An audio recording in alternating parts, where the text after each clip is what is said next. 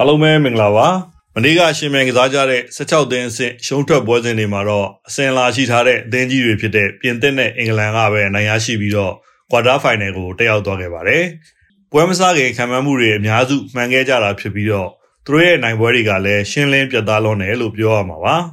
ပြင်သစ်အသင်းအနေနဲ့ပိုလန်အသင်းကိုပထမပိုင်းမှာဂိုးရဖို့အတွက်ရုန်းကန်ခဲ့ရပေမဲ့လည်း ပထမပိုင်းပွဲမပြီးခင်ဘာပေးရဲ့ဖန်တီးမှုကနေဂီရော့ကအဖွင့်ကိုသွင်းယူပေးခဲ့တာဖြစ်ပါတယ်။ဒီနေ့ပွဲမှာချီးကျူးရမယ့်သူကတော့ဘာပေးပဲဖြစ်ပါတယ်။အသက်23နှစ်အရွယ်ဘာပေးဟာအသင်းအတွက်လိုအပ်တဲ့အနိုင်ကိုနှစ်ဂိုးကိုတပုံစံထဲကနေပဲဒုတိယပိုင်းမှာတိကျလှပစွာသွင်းယူပေးခဲ့တာပါ။ဒါဟာဒီကမ္ဘာဖလားမှာသူ့ရဲ့၅ဂိုးမြောက်သွင်းဂိုးဖြစ်ပြီးတော့ရွှေဖနက်စုအတွက်ထိတ်ဆုံးမှာဥဆောင်ခဲ့ပြီလည်းဖြစ်ပါတယ်။ဒါအပြင်သူပါဝင်ထားတဲ့ကမ္ဘာဖလားနှစ်ကြိမ်မှာ ကိုးဂိုးသွင်းယူထားပြီးတော့ကမ္ဘာဖလားပြိုင်ပွဲဂိုးအများဆုံးသွင်းယူထားတဲ့ကစားသမားစီးရဲမှာအဆင့်၈အတွင်းကိုဝင်လာပြီဖြစ်ပါတယ်။လက်ရှိကစားနေသေးကစားသမားတွေမှာဆိုရင်ရိုနယ်ဒိုက၈ဂိုးမက်ဆီက9ဂိုးနဲ့မူလာက10ဂိုးအသီးသီးရှိထားကြတာပါ။ဒီနှုံးတိုင်းသာဆိုရင်သူတို့ရဲ့စံချိန်တွေကိုဒီကမ္ဘာဖလားအတွင်းမှာပဲဘာပေဖြတ်ကျော်သွားမလားစောင့်ကြည့်ရမှာပါ။မနေ့ကပွဲမှာတော့ပြင်သစ်ကဥဆောင်ကို၃ဂိုးရပြီးပွဲပြီးကန်ဒီကြမှာ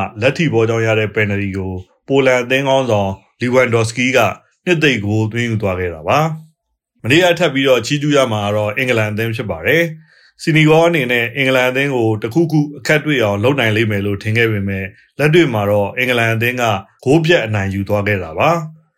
ဟာရီကိန်းဟန်ဒါဆန်ဝါကာတို့လိုဝါရစ်ကစားသမားတွေနဲ့ဘယ်လင်ဂန်ဆာကာဖိုဒန်တို့လိုလူငယ်ကစားသမားတွေနဲ့တွဲဖက်ထားတဲ့စောက်ခိတ်ရဲ့အခင်းချင်းဟာအလုပ်ဖြစ်ခဲ့တဲ့သဘောပါပဲ ပထမပိုင်းမှာဂိုးရဖို့အတွက်ခက်ခဲခဲ့ပေမဲ့ဟန်ဒါဆန်အဖွင့်ကိုရပြီးတဲ့နောက်ပွဲဟာအင်္ဂလန်အသင်းရဲ့ထိန်းချုပ်မှုအောက်ကိုရောက်ခဲ့ပြီးအနိုင်ပွဲရခဲ့တာပဲဖြစ်ပါတယ်။ဒီပွဲမှာဂိုးပေါက်ပြောင်းနေတဲ့ Harry Kane ဂိုးပေါက်ပြန်တွေ့ခဲ့ပြီးလူငယ်ကစားသမားဆာကာလည်းသူ့အတွက်ကမ္ဘာဖလား၃ဂိုးမြောက်ဂိုးကိုရရှိခဲ့ပါတယ်။ကွာတာဖိုင်နယ်မှာတော့ပြင်သစ်နဲ့အင်္ဂလန်တို့တွေ့ကြပြီဖြစ်ပါတယ်။လက်ရှိ16သင်းရှုံးထွက်အဆင့်၄ပွဲကစားပြီးတဲ့အထိကို အချိန်မိုအထိကစားပယ်နယ်တီအဆုံးဖြတ်ထိခံယူရတဲ့ပွဲစဉ်မရှိသေးတာလည်းဖြစ်ပါတယ်။ကဲဒီနေ့ကစားမယ့်ပွဲစဉ်တွေကခရိုအေးရှားနဲ့ဂျပန်အသင်းတို့ကတော့ည9:00နာရီခွဲမှာကစားကြမှာပါဒီနှစ်သင်းဟာကမ္ဘာဖလားမှာ1998နဲ့2006ခုနှစ်ပွဲတွေမှာအုပ်စုအဆင့်မှာတွေ့ခဲ့မှုကြပြီးခရိုအေးရှားကတပွဲနိုင်တပွဲသေးကြတာပါတယ်အစဉ်လာကိုကြည့်ရင်တော့ခရိုအေးရှားကလုံးဝကိုတာပါတယ်ဒါပေမဲ့လည်းခရိုအေးရှားရဲ့လက်ရှိခြေစွမ်းဟာ လွန်ခဲ့တဲ့၄နှစ်ကကမ္ဘာဖလားခြေစွမ်းမျိုးရှိမနေပါဘူးအုပ်စုပွဲတွေမှာသူတို့ဟာတပွဲပဲဂိုးသွင်းနိုင်ခဲ့တာပါ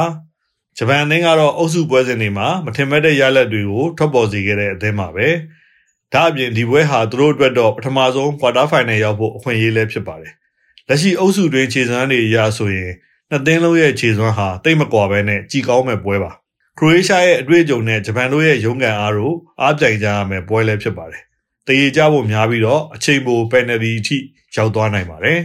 ။မနက်တနာရီခွဲမှာတော့ဘရာဇီးအသင်းနဲ့တောင်ကိုရီးယားအသင်းတို့တွေ့ကြမှာပါ။ဒီနှစ်သင်းကိုပြောလိုက်တာနဲ့တော်တော်များများက